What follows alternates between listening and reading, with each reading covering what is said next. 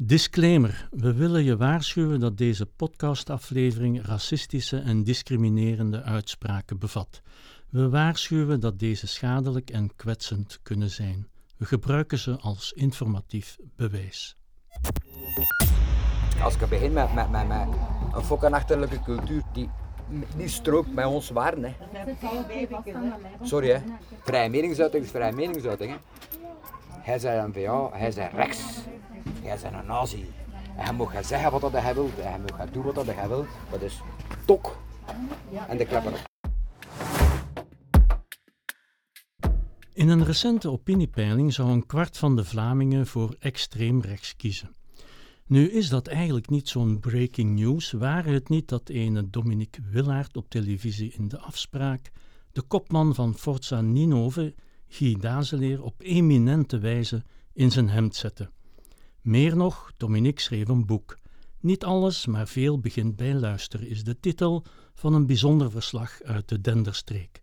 Aalst, Tenderleeuw, Zottegem, Gerardsbergen, die klinken bekend in de oren. En vooral Ninove, waar extreem rechts tot 40% van de stemmen haalde in 2018. Vier maanden lang trok Dominique Willaert samen met fotografe Jasmina Bessegeer door de, wat heet, marginale driehoek. 120 gesprekken later zit hij hier bij mij, de vroegere artistiek leider van Victoria Deluxe, auteur, activist en luistermens. Mijn naam is Ung Sao Choi, welkom bij Alles Wordt Beter.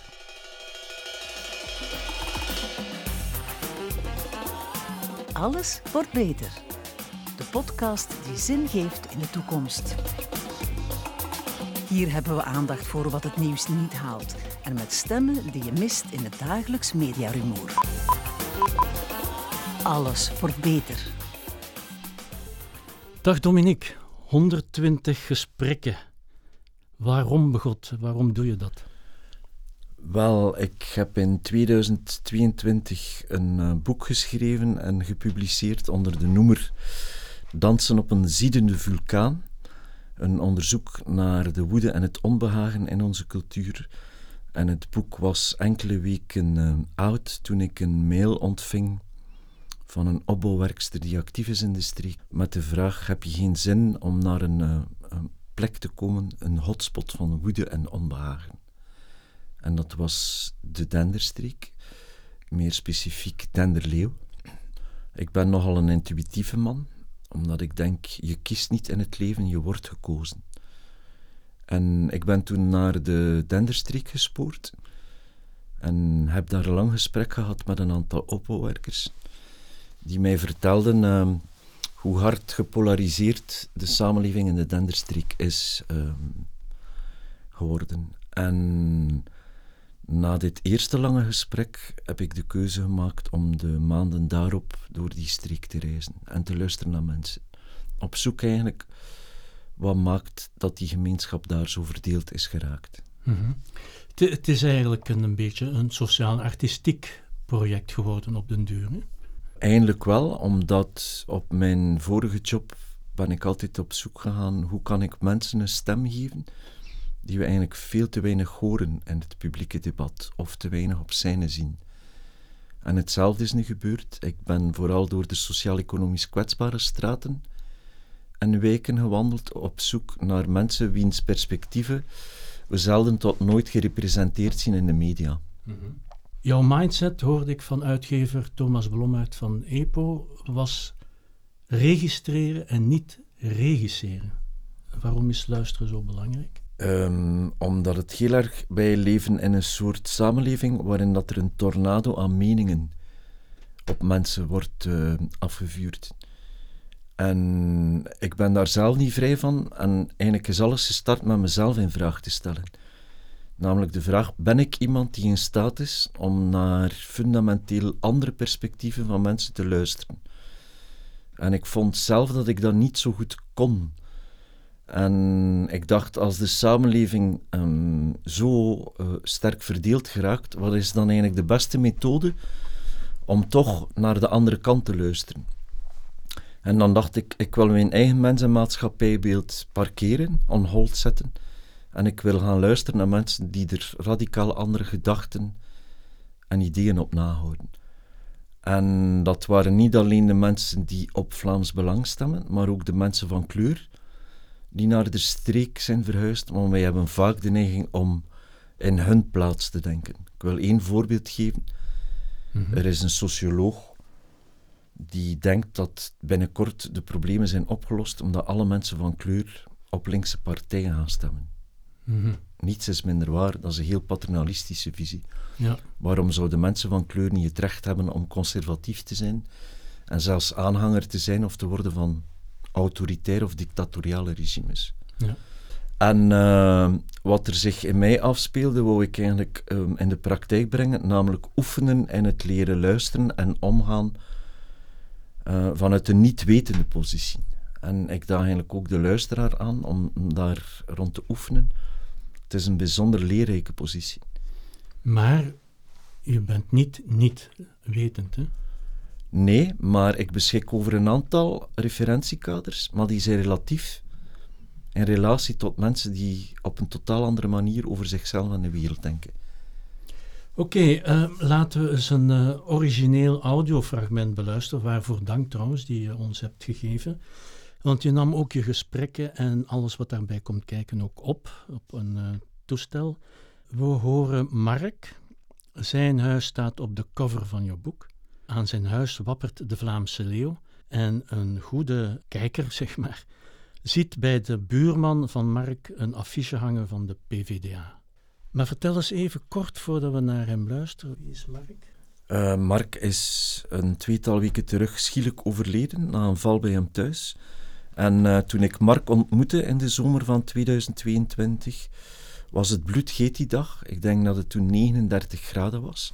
Zijn deur bestaat uit twee delen en het bovenste luikje stond open. Toen heb ik aangeklopt en kwam Mark vanuit het duister naar mij toegestapt met zijn hond, zijn chihuahua in zijn armen. En aanvankelijk had hij weinig zin om te praten, maar toen ik over de vlag begon en hem rechtstreeks de vraag stelde: Mark, zou het kunnen dat jij op Fort Sanino stemt? zei hij meteen ja en waren we vertrokken. Oké, we gaan even luisteren.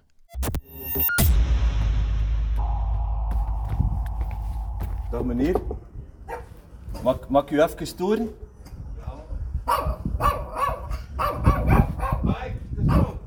Ik ben niet van hier, maar ik ben een boek aan het schrijven over de Denderstreek. En ik zie een vlag hier en ik weet dat Fort Sanino sterk is. Ik dacht, Inderdaad. mag ik met u een keer babbelen? Ik zou graag een keer luisteren naar u. Over Ninove en Fort Sanino en... Ja, maar ik zit meestal in de carnaval. Ben een carnavalist, hè. Je bent een carnavalist, ja. En je stemt op Guy Daasleer. zeker en vast. Ja. Kun je mij vertellen waarom dat hij zo aanslaat hier? Wel, ik ben geen racist. Oké, Ik ben geen racist, want die tegen... Zit, ik kan u bewijzen. Ik heb in de sleutel ja. van mijn geburen, dat is niet meer Dat is de Marokkaan. Je meent dat. Ja, ik meen dat. Oké. Maar die is nu op vakantie. Ja? En ik ga alle dagen zijn brieven besluiten. Amai. Maar dat zijn vriendelijke mensen, want ik moest mijn listers herhangen en ik ben, ik zeg het, op een ladder, ik ben 72 jaar. Eh, dat ging, dat gaan we en dat wil even komen, komen placeren. Oké, en een rare vraag. Waarom stem je niet op de socialisten, maar wel op Vlaams Belang? Je mag, hè. Geen probleem daarmee, maar... Ik ga niet één ding zeggen, hè. als je de traditionele partijen Ja? steekt zomaar in één zak. Hè. Het is geen natuurlijk. Kijk naar de blauwe. Ja? Die, die poedel dat ze er hadden, die, die nog altijd geld krijgt in, in het Vlaams parlement zonder dat ze zetelt en veel verduisterd heeft. Noemde jij dat normaal? Frankske van den Broek, niet verkozen, heeft van zijn leven geld laten verbranden. Noemde hij dat een echte man? Ik Oké. niet. Sorry. Ja, dat eh, was Mark. Een beetje toch als eerbetoon aan hem, hè? dat we dit fragment laten horen en bespreken.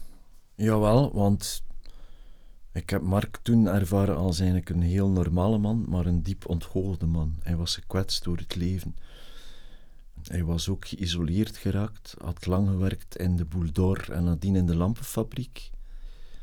was eigenlijk sterk vereenzaamd. En er is ook wel een relatie tussen isolement, sociaal isolement en iets sneller uh, geneigd zijn om op een extreemrechtse partij te gaan stemmen. Daar komen we straks op terug. Maar waar ik het uh, ook even wil over hebben, aan, naar aanleiding van dit fragment, is jouw werkmethode. Dus je hebt 120 gesprekken gevoerd, je bent in de straat getrokken, bij deuren aangebeld, ja, en dan, dan zag je wel. Ja, in de streek, er is geen enkele streek in Vlaanderen waar zoveel Vlaamse vlaggen aan gevels hangen. En dat was een soort marker. Dus um, extreme... vlag tot vlag. Ja, extreme rechts gebruikt heel veel symbolen. En dat was voor mij eigenlijk wel een stukje een trigger om aan te bellen, om mensen aan een deur aan te spreken. Ik ben ook vaak naar het café geweest in Ninove, het Vlaams Huis. Ik ben naar marktpleinen gegaan, aan bushaltes, naar voedselbedelingen. En eigenlijk heel intuïtief mensen aangesproken. En soms vroeg ik ook, ik heb een lang gesprek met jou gehad, ken je nog andere mensen die misschien interesse hebben om een verhaal met mij te delen? Ja, een beetje de sneeuwbalmethodiek. Ja. Kan je even kort misschien toch wel die, die denderstreek wat situeren? Lang geleden ben ik daar nog op carnaval geweest. Weet ik dat Aalst Priester Daans uh, in zijn geschiedenis heeft. Maar verder weet ik er eigenlijk ook weinig van, eerlijk gezegd. Oké, dan moeten we even terugkeren naar de 19e eeuw, toen er heel veel armoede was. Mm in de meer landelijke gebieden. En toen is er een migratiebeweging ontstaan van heel arme plattelandsbewoners richting stad. Uh, veel van de bewoners zijn naar Gent verhuisd, zijn daar in de beluiken terechtgekomen en zijn gaan werken in de voornamelijk textielindustrie. Een andere groep is naar Frankrijk, mm seizoensarbeid gaan verrichten. En een derde groep nam de trein de trein. Ja, in de 19e eeuw. Halverwege wordt er een, uh, een uh, spoor aangelegd richting Wallonië. En met de fosse treinen zijn er eigenlijk generaties lange arbeiders uit de Denderstreek naar Wallonië gespoord om in de, in de mijnenputten te gaan werken. Mhm. ja. Dus er is heel lange migratiebeweging geweest van de Denderstreek richting... Eigenlijk weg. Weg, ja. Dan had je de Dender en een aantal ehm, Vlaamse ingenieurs zijn naar Engeland gegaan om daar eigenlijk de industriële ontwikkeling een stukje in kaart te brengen. Ze hebben een aantal ideeën en technieken naar hier gesmokkeld. En dan krijg je eind 19e eeuw, begin 20e eeuw de industriële ontwikkeling langs die dender. Ja.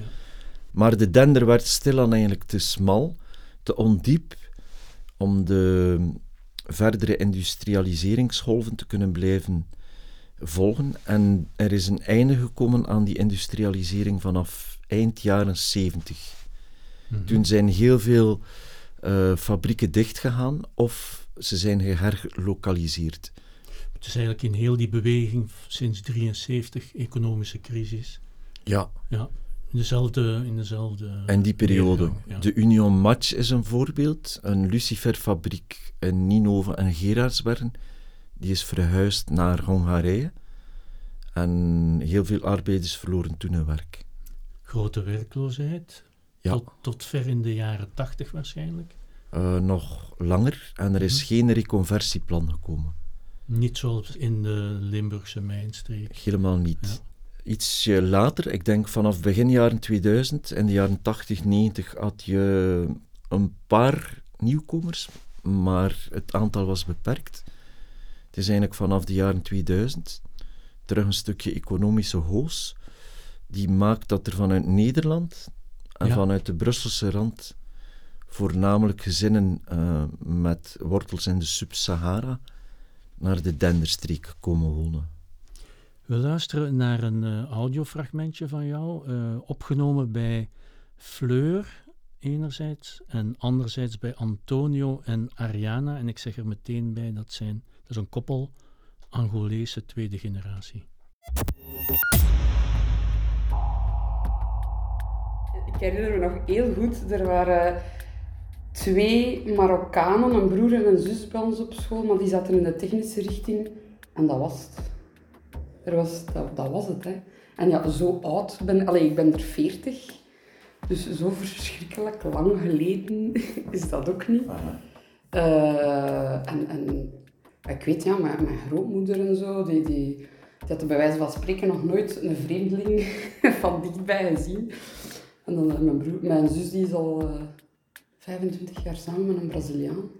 Mijn ex was in Jamaica. Dus, dus uh, ja, qua verschuiving inderdaad wel. Als je, als je nu in, in, in over rondloopt, dat is ja, multicultureel. Ik vind dat leuk, maar...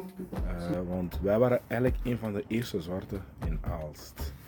Dus ik moet rekenen, ik ben hier van in het jaar 98.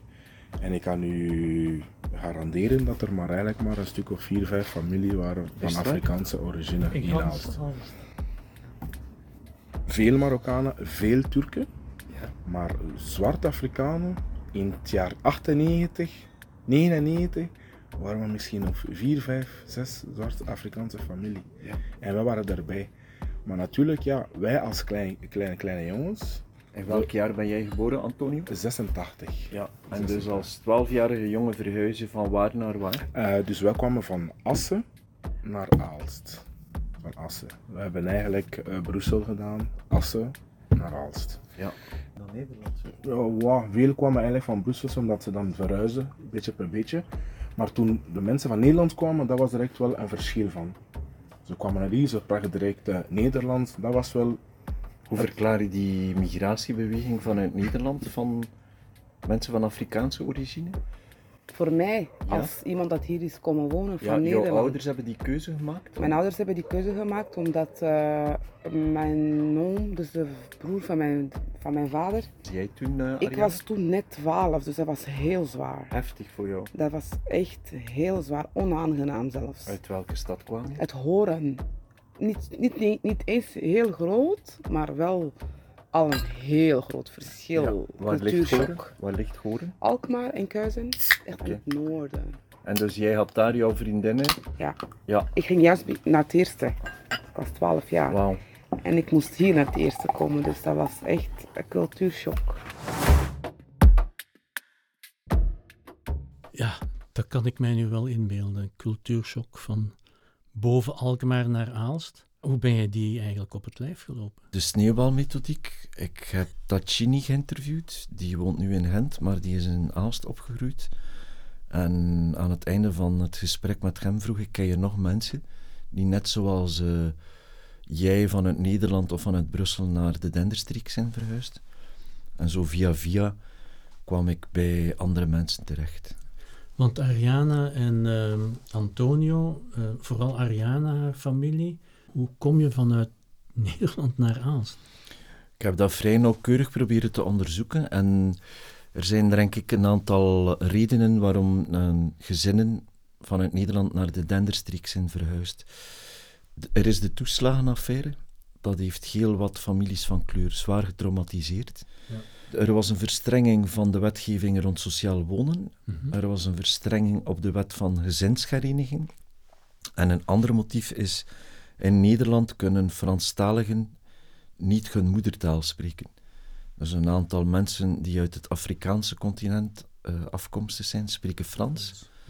En zij dachten, als we dicht bij Brussel gaan wonen, hebben we eigenlijk een rechtstreekse link met Brussel en kunnen we op zaterdag en zondag naar Matongi en zo gaan. Ja, ja. En daar kunnen we ons moedertaal spreken.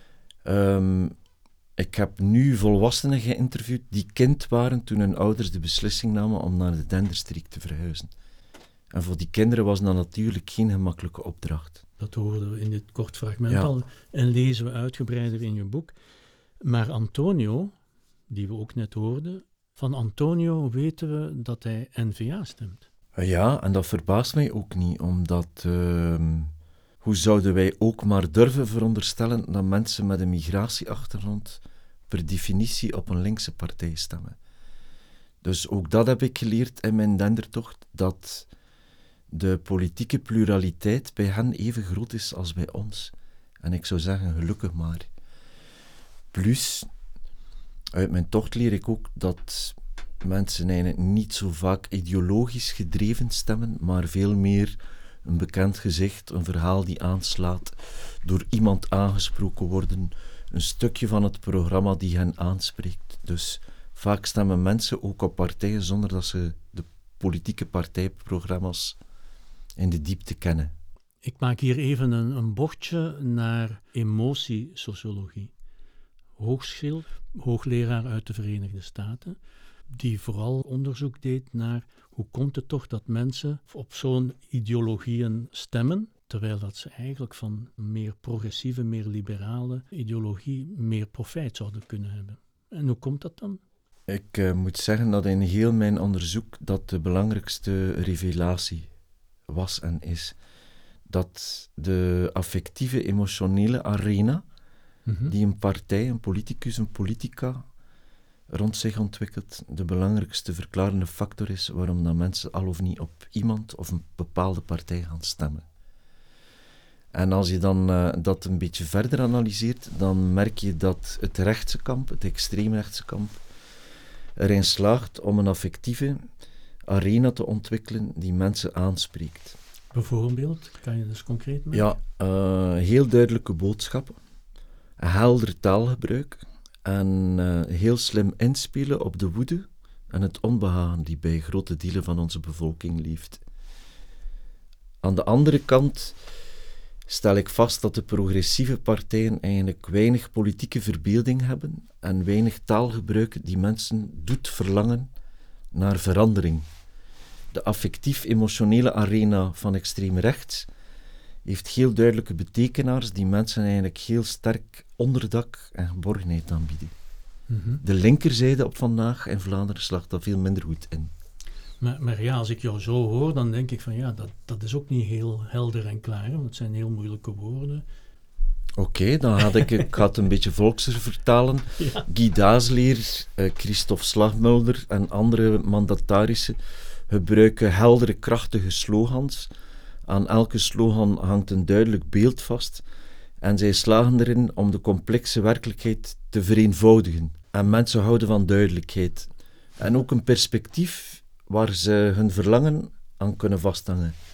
En, en zeg je dan dat de linkerzijde dat ook gewoon meer moet doen? Ja, maar de crux of de sleutel ligt hem in het feit, je moet mensen doet, doen verlangen. Voor heel veel mensen in de samenleving is er nauwelijks nog uitzicht op het omhoog klimmen op de sociale ladder. Ze werken en komen nauwelijks rond. Ze hebben vakantiegeld, maar ze moeten dat gebruiken om een energierekening te betalen.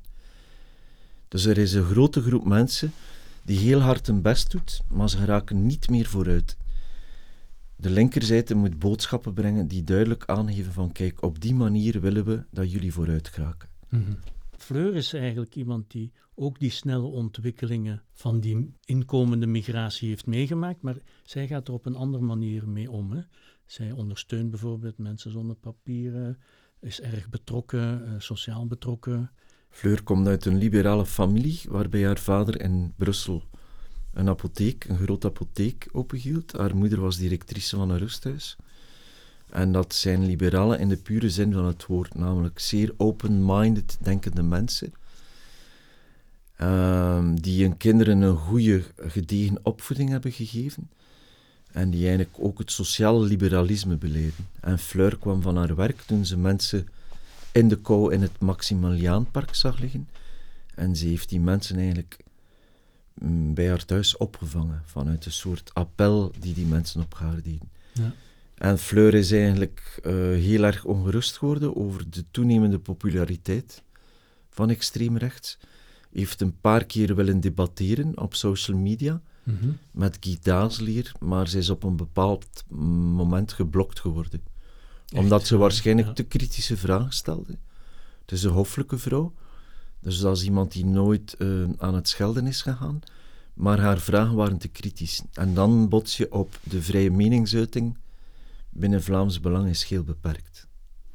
En zij werd dan ook, uh, ja, er werd neerbuigend ook over haar gedaan en, en, weggezet eigenlijk. Dus een soort van intimidatie. Ja, en dan voel je ook wel het misogyne karakter van Guy Dazelier en het Vlaams Belang. Ja. Een kritische vrouw die scherpe vragen stelt, die niet akkoord gaat met het programma.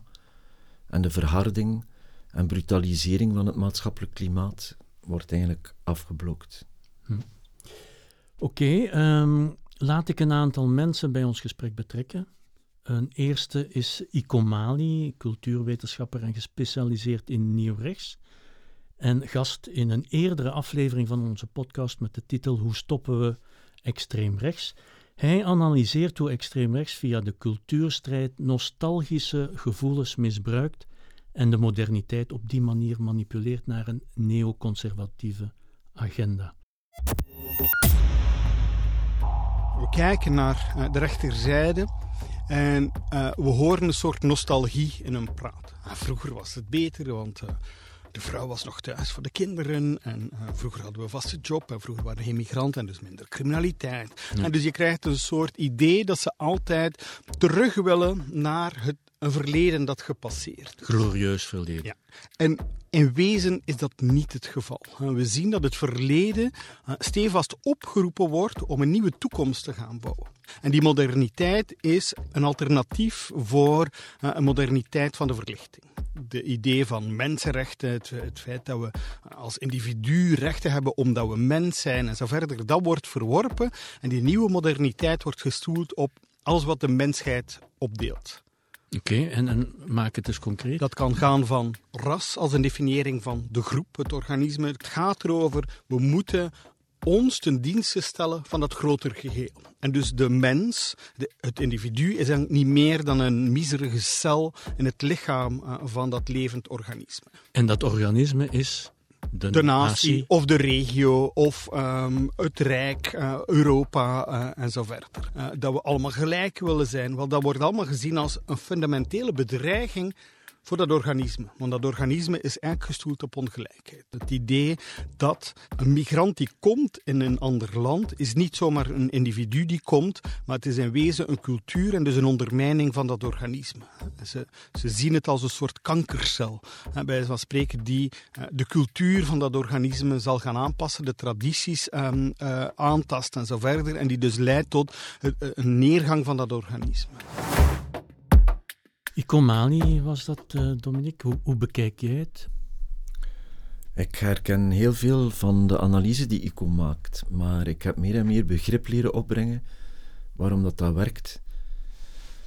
Namelijk, heel veel mensen die ik heb ontmoet, die cumuleren verlieservaringen. Die zijn heel wat dingen die ze ooit hebben gehad of gekend, verloren. Mm -hmm de politiek verzuilde samenleving. Een politieke zuil die vanaf de wieg tot aan de dood een stukje geborgenheid bood.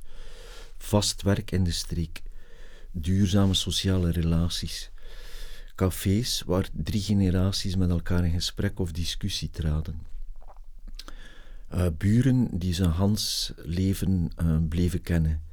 Dat is allemaal verloren geraakt. En het is heel duidelijk waar extreem rechts voor kiest. Ik heb twee keer een omvolkingslezing meegemaakt. En dat sluit perfect aan wat ICO vertelt. Maar als je dan aan de linkerzijde analyseert, wij hebben geen verhaal die hetzelfde soort onderdak en geborgenheid biedt in vergelijking met extreem rechts. Ja.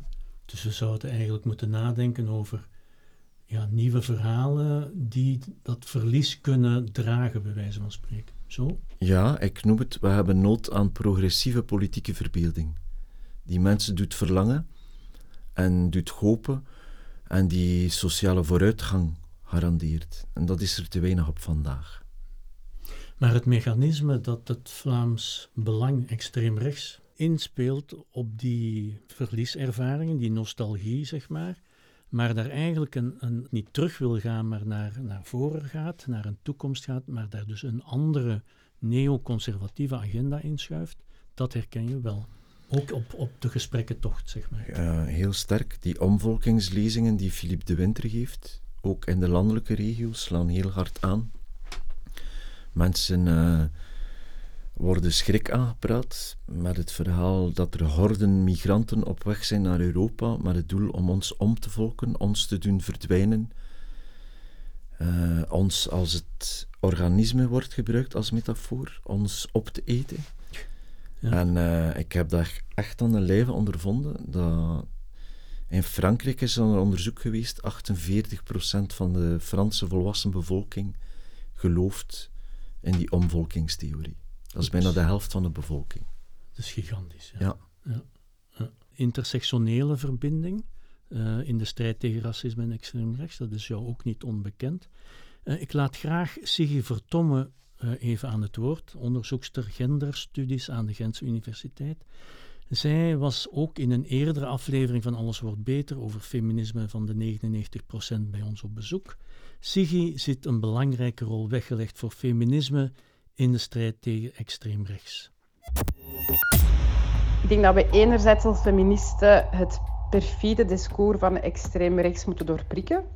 Waarbij mannen van kleur, mannelijke migranten, asielzoekers worden geframed als vrouwonvriendelijke onderdrukkers die onze vrouwen komen belagen en waarbij dan hè, onze witte vrouwen best terug naar de haard gaan om voor de kindjes en uh, het huishouden te zorgen en om het, uh, het eigen volk te reproduceren in plaats van al die migranten toe te staan. Dus dat is één zaak.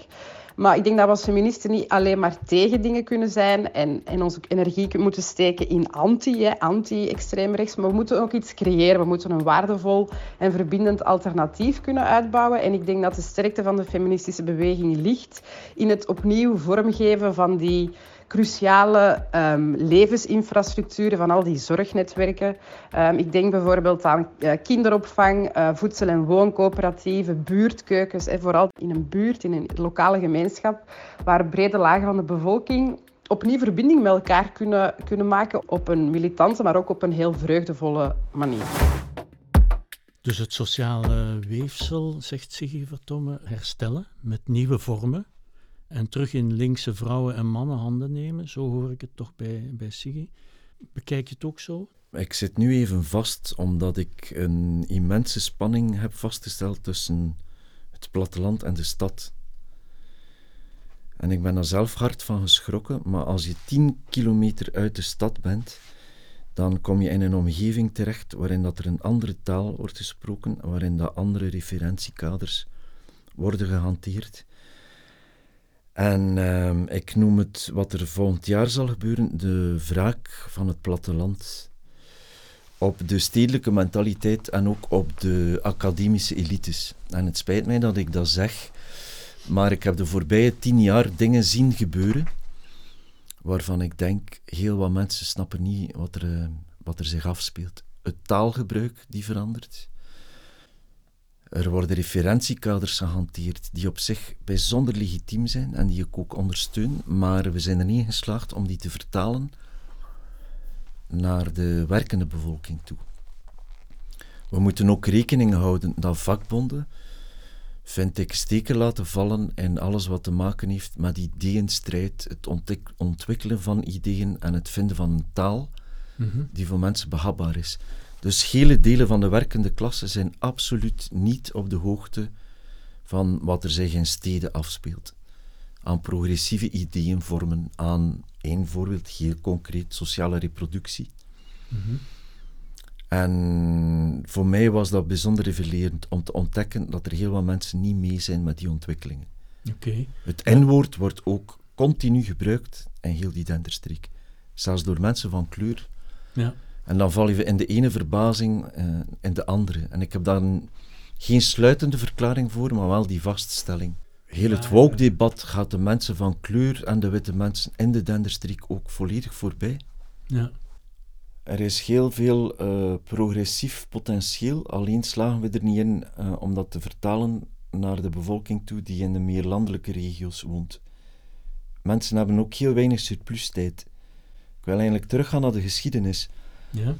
Ik heb op een bepaald moment ontdekt dat de sterftegraad uh, in de Denderstreek hoger ligt. En het is eigenlijk Greta Dont die vanuit de textielcentrale van het ACV ontdekte dat heel veel vrouwen vroegtijdig stierven uh, aan uh, halblaaskanker uh, en nierkanker. En het had te maken met massaal gebruik van witte poeders. De poedersman. En dat was de eerste generatie vrouwen die um, veel kinderen kreeg en ging gaan werken voor het eerst. En die deze moeilijke combinatie, werken en het opvoeden van kinderen, volhield door die witte poeders te nemen. Eigenlijk een, een vorm van, um, van amfetamines. Als ik op vandaag terugblik op de vrouwen die ik heb geïnterviewd, die hebben niks van surplustijd. En ook de mannen niet. Die gaan werken, die hebben uh, soms een tweede job, die moeten weg en weer met de kinderen. Want de vrije tijdsinvulling van kinderen is in vergelijking met vroeger veel complexer geworden. Dus ouders moeten rondrijden. Uh, en er is nauwelijks tijd om zich uh, lid te maken van een vereniging waarin dat ze bijvoorbeeld zicht krijgen op het bestaan van een wooncoöperatieve. Je zou kunnen zeggen, heel veel mensen zijn slachtoffer van de uitzinnige individualisering. Mm Dus we raken ook niet meer binnen in de levens van die mensen. Met het idee van, we gaan ons terugverenigen en we gaan een beetje nieuwe collectieven ontwikkelen in de vorm van een wooncoöperatieve of dingen die je in de steden wel ziet gebeuren, maar voornamelijk bij de betere middenklasse, die wel nog die surplus tijd hebben. En als een vraag aan de luisteraar, kunnen we daar in de toekomst niet wat beter rekening mee, houden? Maar Forza Ninove bijvoorbeeld slaagt wel daarin. Ja, door aan te sluiten op de primaire behoeftes van mensen. Ze maken uh, honderden schoolpakketten voor ouders die aan het begin van het schooljaar centen tekort hebben om een boekentas te kopen, om schoolgrieven aan te schaffen. En Ninove heeft Forza Ninove 400 schoolpakketten samengesteld. Um, ze zijn erin geslaagd om nog voor de regering aan mondmaskers was geraakt, zelf mondmaskers te maken en die rond te delen bij al het verzorgend personeel actief in en rond Ninove. Ze gaan naar rusthuizen in corona om aan elke bejaarde die opgesloten zit een rode roos te geven. ze kapen ook linkse symbolen. Een rode roos? Ja. Guy Daaslier gaat met andere mandatarissen naar Billewaard of Plopsaland, omdat er heel veel gezinnen niet op reis kunnen. Dus uh, ga ik in op primaire noden en behoeften van mensen. Maar zeg je dan dat zou de linkerzijde moeten doen? Twee dingen. Eigenlijk moeten wij Vlaams Belangmandatarissen de vraag stellen: hoe komt het dat je als het ware een staat naast de staat creëert? Want ze doen aan een vorm van liefdadigheid, terwijl dat ze in onze verschillende regeringen op alle maatregelen, die sociale maatregelen beloven, eigenlijk negatief stemmen. Dus ze stemmen die weg. Verhoging van uh, minimumlonen. Ze stemmen voor privatisering van de zorg, dus ze halen dat uit publieke handen. Ze stemmen voor de loonblokkering. En uh, dat is een deel van ons sterkte om eigenlijk hen een beetje te kunnen ontmaskeren en dat ook aan de kiezer uit te leggen. Dus ze creëren eigenlijk een staat naast de staat. Maar ze creëren wel geborgenheid en nabijheid. Iets wat de linkerzijde niet doet. Dus ik pleit er aan de andere kant voor dat vanuit de linkerzijde er veel meer nabijheid wordt gecreëerd. Niet in de vorm van plat politiek dienstbetoon, maar wel in die volkse wijken aanwezig zijn, luisteren naar waar mensen mee worstelen, uh, hun noden veel scherper in kaart krijgen. Want ik ben ervan overtuigd dat er nu sociaaldemocraten zijn in onze parlementen die helemaal niet weten dat er mensen zijn die werken aan het einde van de maand niet halen. Of die werken en slapen op de parking omdat ze op die manier een autorit uitsparen. Of poetsvrouwen die werken en nog geen 14 euro per uur verdienen en tien dagen voor het einde van de maand zich ziek laten melden omdat ze geen geld meer hebben om brandstof te kopen en zich dus te verplaatsen. Ja. En dus heel de zeg maar, eisenbundels die, die aan de linkerzijde wel bestaan, om naar boven te trappen, die meer verbeelden, meer in verhalen zetten en die hoopvol kunnen zijn. Ja, ik denk aan de linkerzijde zou er een stukje een drietrapsraket kunnen worden gebruikt. Namelijk de vaststelling, de staatsbon heeft dat duidelijk gemaakt, dat wij nog altijd op een berg geld zitten, dat er een immense rijkdom is, dat die rijkdom, die welvaart die er is, fundamenteel anders herverdeeld zou kunnen worden. Waar horen we nog het begrip herverdelen? En ik ben zelf voorzichtig in het gebruiken van de term graaiers en zo, omdat dat te veel naar afgunst ruikt.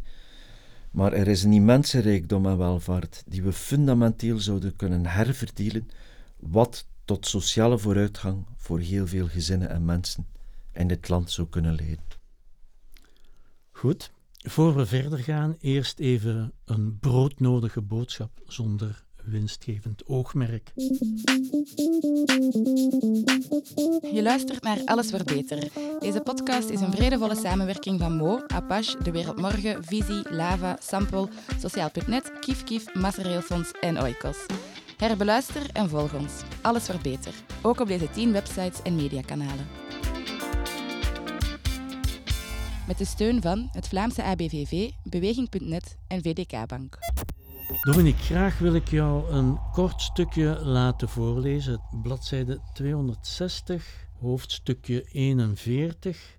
Alles begint bij een infoavond over de omvolkingstheorie van Philip de Winter. Daar ga je naartoe. Je leert er enkele mensen kennen en doet een voorstel van samen aan tafel te gaan zitten met mensen van kleur. Zowat een maand nadat ik in Zaal de Vrede in Denderleeuw na de omvolkingslezing van Philippe de Winter ben blijven napraten met Mark, Marleen, Gislin en Linda, stuurt Mark me een sms'je. Of ik hem eens wil opbellen. Dat doe ik meteen. We hebben over je voorstel gebabbeld en we zien dat zitten. Wat ziet hij zitten, vraag ik. Wel, Linda en ik hebben hoesting om eens met een paar van die zwetten te klappen. Gislin doet niet mee, want hij weet van zichzelf dat hij zich niet zal kunnen inhouden. Oké, Mark, ik zoek een zaaltje en een datum die voor iedereen past, zeg ik. Ik contacteer meteen ook René uit Ninove, van wie ik weet dat hij ook zin heeft in een gesprek. Kun je drie vragen voorbereiden die je aan de mensen wilt stellen, vraag ik hem. Mogen het er niet meer zijn, lacht hij. Jawel, zeg ik, maar laten we beginnen met elk drie vragen. Dat zijn er dan alvast al 24. Je, komt dan samen, uh, gaat rond tafel zitten, koffie, thee, koekjes. Zo kan ik het lezen. Je hebt een, een soort van selectie gemaakt en uiteindelijk de eerste vraag wordt gesteld. Afspraak was dat je tussen half drie en half vijf zou samenzitten.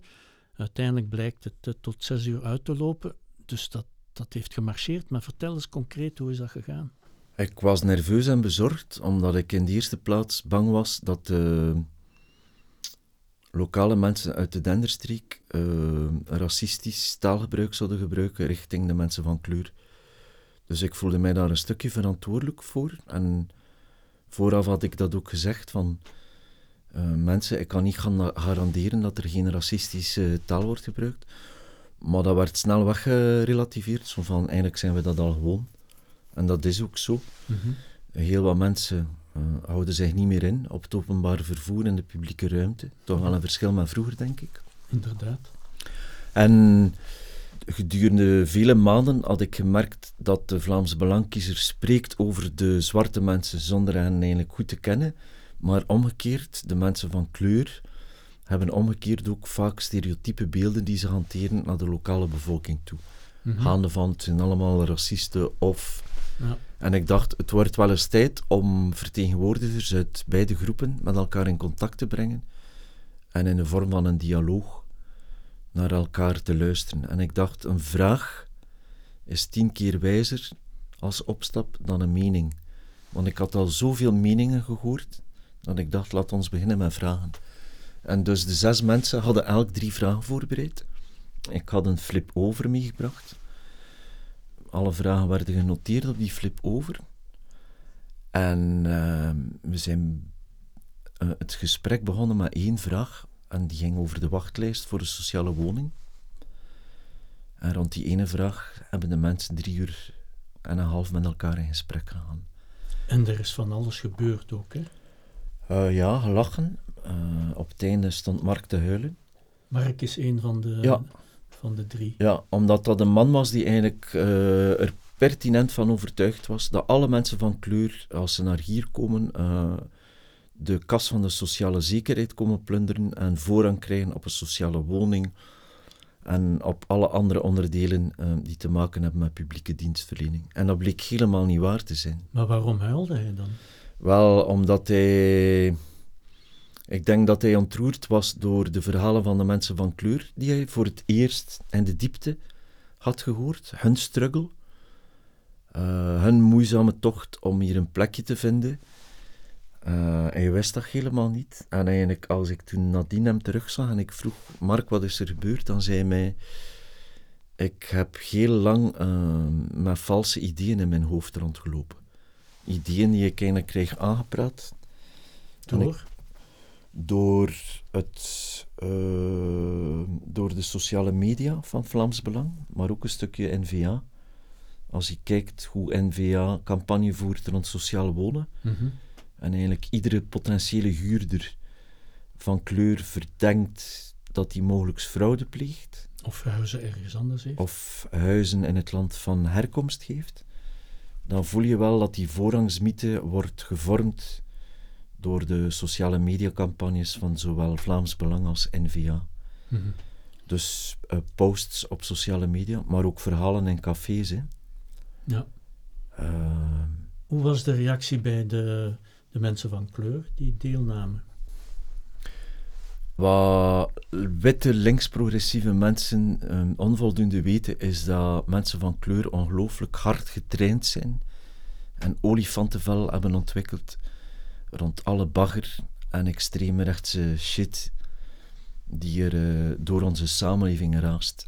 Dus elke dag, van zodra ze opstaan tot ze gaan slapen, worden zij geconfronteerd met invasieve dingen met verhalen die niet kloppen, met racistisch taalgebruik, met stereotypes.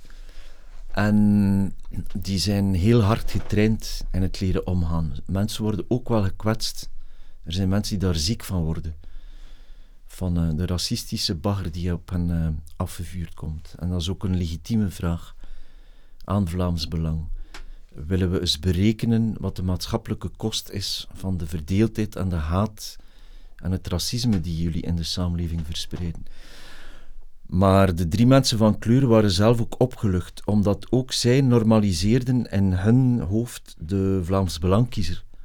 Zij stelden vast dat als je de kans krijgt om met die mensen in gesprek te gaan, dat er eigenlijk heel wat mythes doorprikt worden. En dat is eigenlijk een maatschappelijke oproep, mocht het middenveld erin slagen om met meer middelen en meer tijd die beide groepen met elkaar in gesprek te laten gaan en met elkaar samen te laten werken, dan zouden de mensen die nu tegenover elkaar staan bondgenoten kunnen worden. Hetzelfde voor ondernemingen. Ik pleit er eigenlijk voor dat er per werkdag een uur werktijd wordt vrijgemaakt om te integreren en te inburgeren, maar langs beide zijden.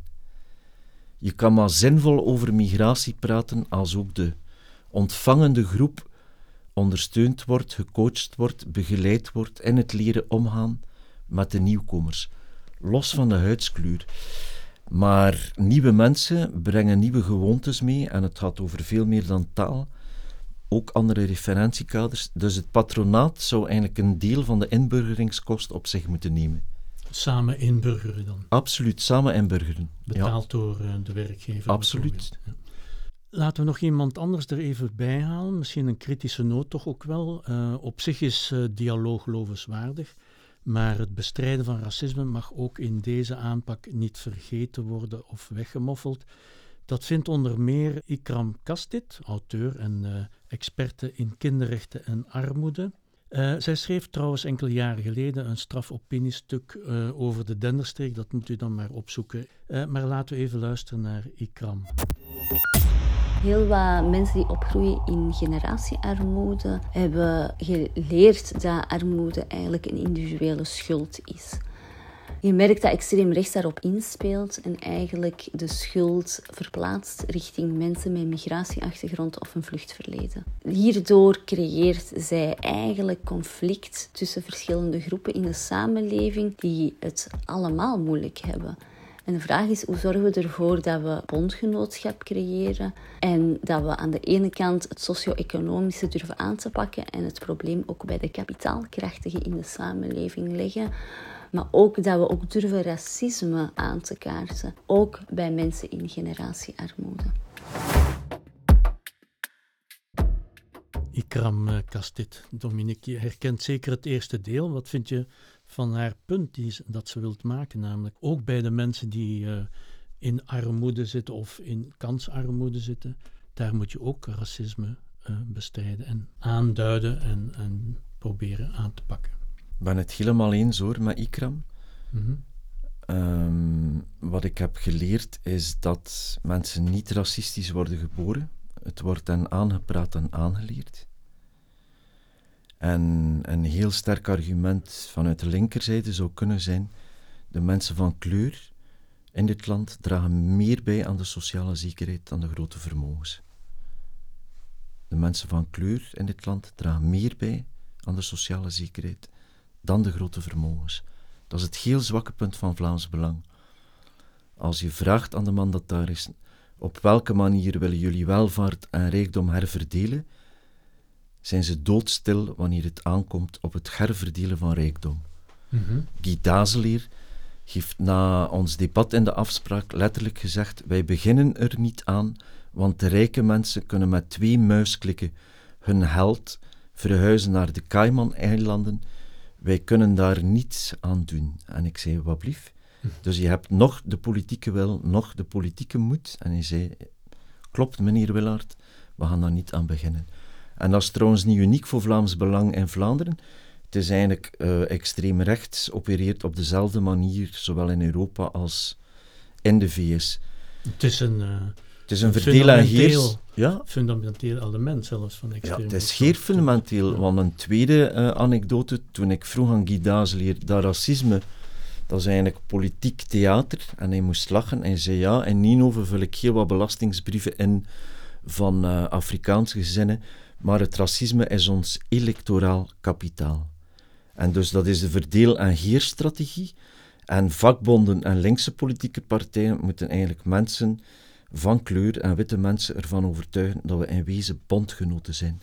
Doe niets af van een aantal lasten die migratie veroorzaakt, namelijk uh, er komen nieuwe mensen toe, er zijn andere talen, er is een stukje vervreemding die ontstaat, er zijn andere uh, culturele gewoontes, mm -hmm. maar al die dingen zijn overbrugbaar en oplosbaar. Het samenleven in diversiteit in steden is daar al een bewijs van. Nu nog het platteland overtuigen dat hetzelfde kan gebeuren als wat er in steden gaande is. Oké.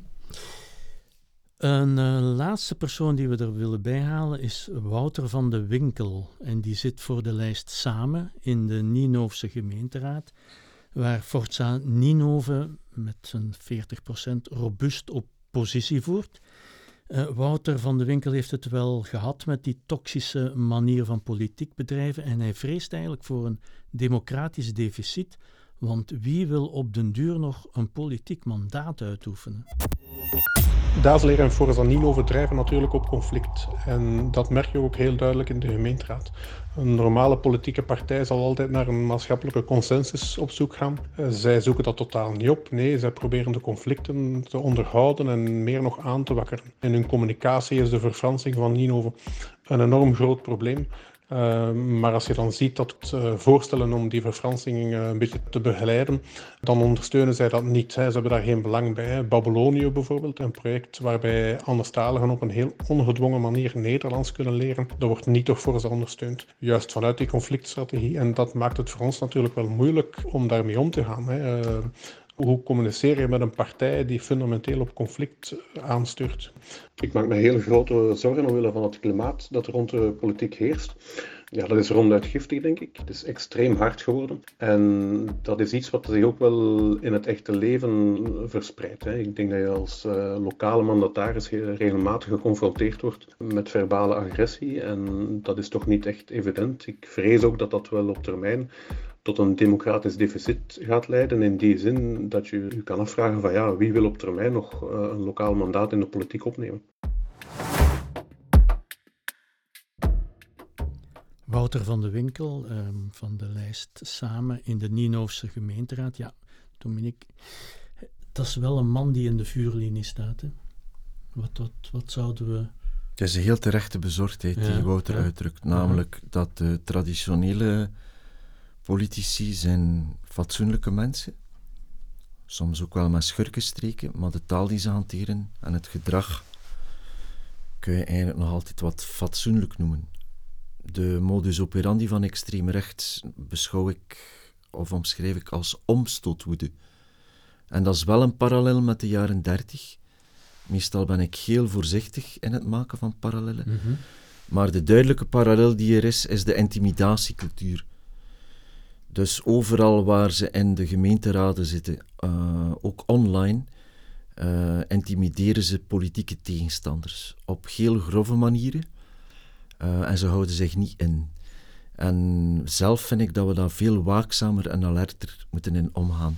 Als Tom van Grieken ook in het tv-studio zit, of Guy Dazelier, en zij verspreiden fake news, of zij halen uit naar de tegenstander, zou de interviewer eigenlijk moeten zeggen, oh, ja. halt, uh, klopt het wel wat je hier zegt? Uh, kan het wel dat je op die manier jouw politieke tegenstander aanspreekt?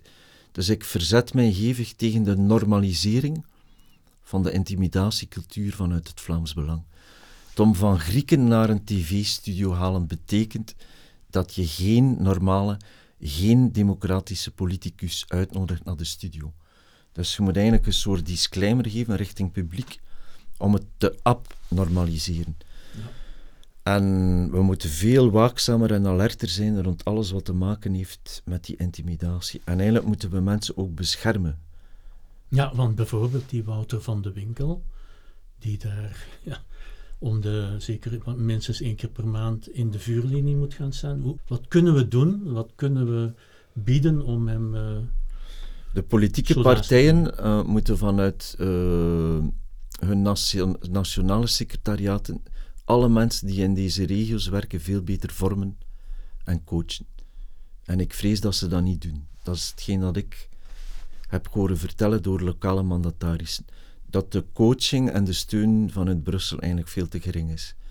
Je moet als het ware analyseren wat er zich afspeelt en dan moet je op zoek gaan welk soort coaching is er nodig om mensen te beschermen, te beveiligen. Uh, zelfs overwegen om juridisch klacht in te dienen ook, want een aantal dingen kunnen echt niet door de beugel. Oké, tot slot. Um, er zitten nauwelijks een aantal maanden van uh, nieuwe verkiezingen oktober 2024 gemeenteraadsverkiezingen, in juni alle andere.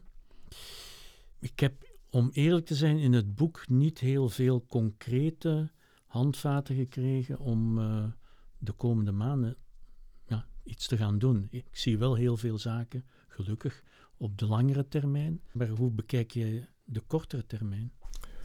Wat ik heb gedaan, het boek is in mijn hoofd altijd een onderdeel geweest van een project Mhm, dat dacht ik al. Ja, en het project die hier aankomt is. Uh, uh, het idee dat we hebben is om met alle mensen die actief zijn in het maatschappelijke middenveld in de Denderstreek een soort dendertop te organiseren.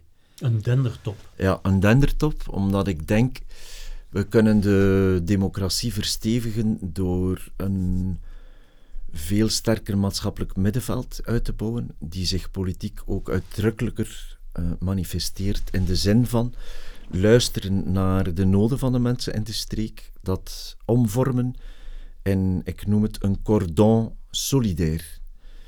Dus we zouden een sociale schutkring moeten kunnen maken die inventariseert waar de mensen in de Denderstreek naar verlangen en nood aan hebben. Aan betere publieke dienstverlening, aan laagdrempelig en betaalbaar onderwijs en publiek transport die veel efficiënter uh, en frequenter is aan ontmoetingsplekken waar mensen in dialoog kunnen gaan met elkaar en wonen die betaalbaarder en kwaliteitsvoller wordt, et cetera, et cetera.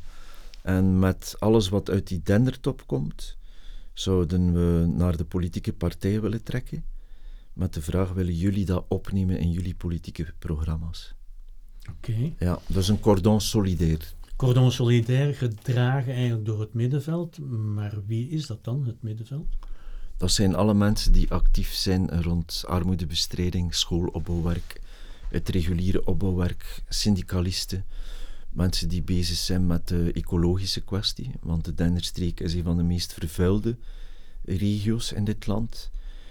Uh, de mensen die verbonden zijn aan klassieke verenigingen, maar ook de mensen van kleur die informelere netwerk hebben.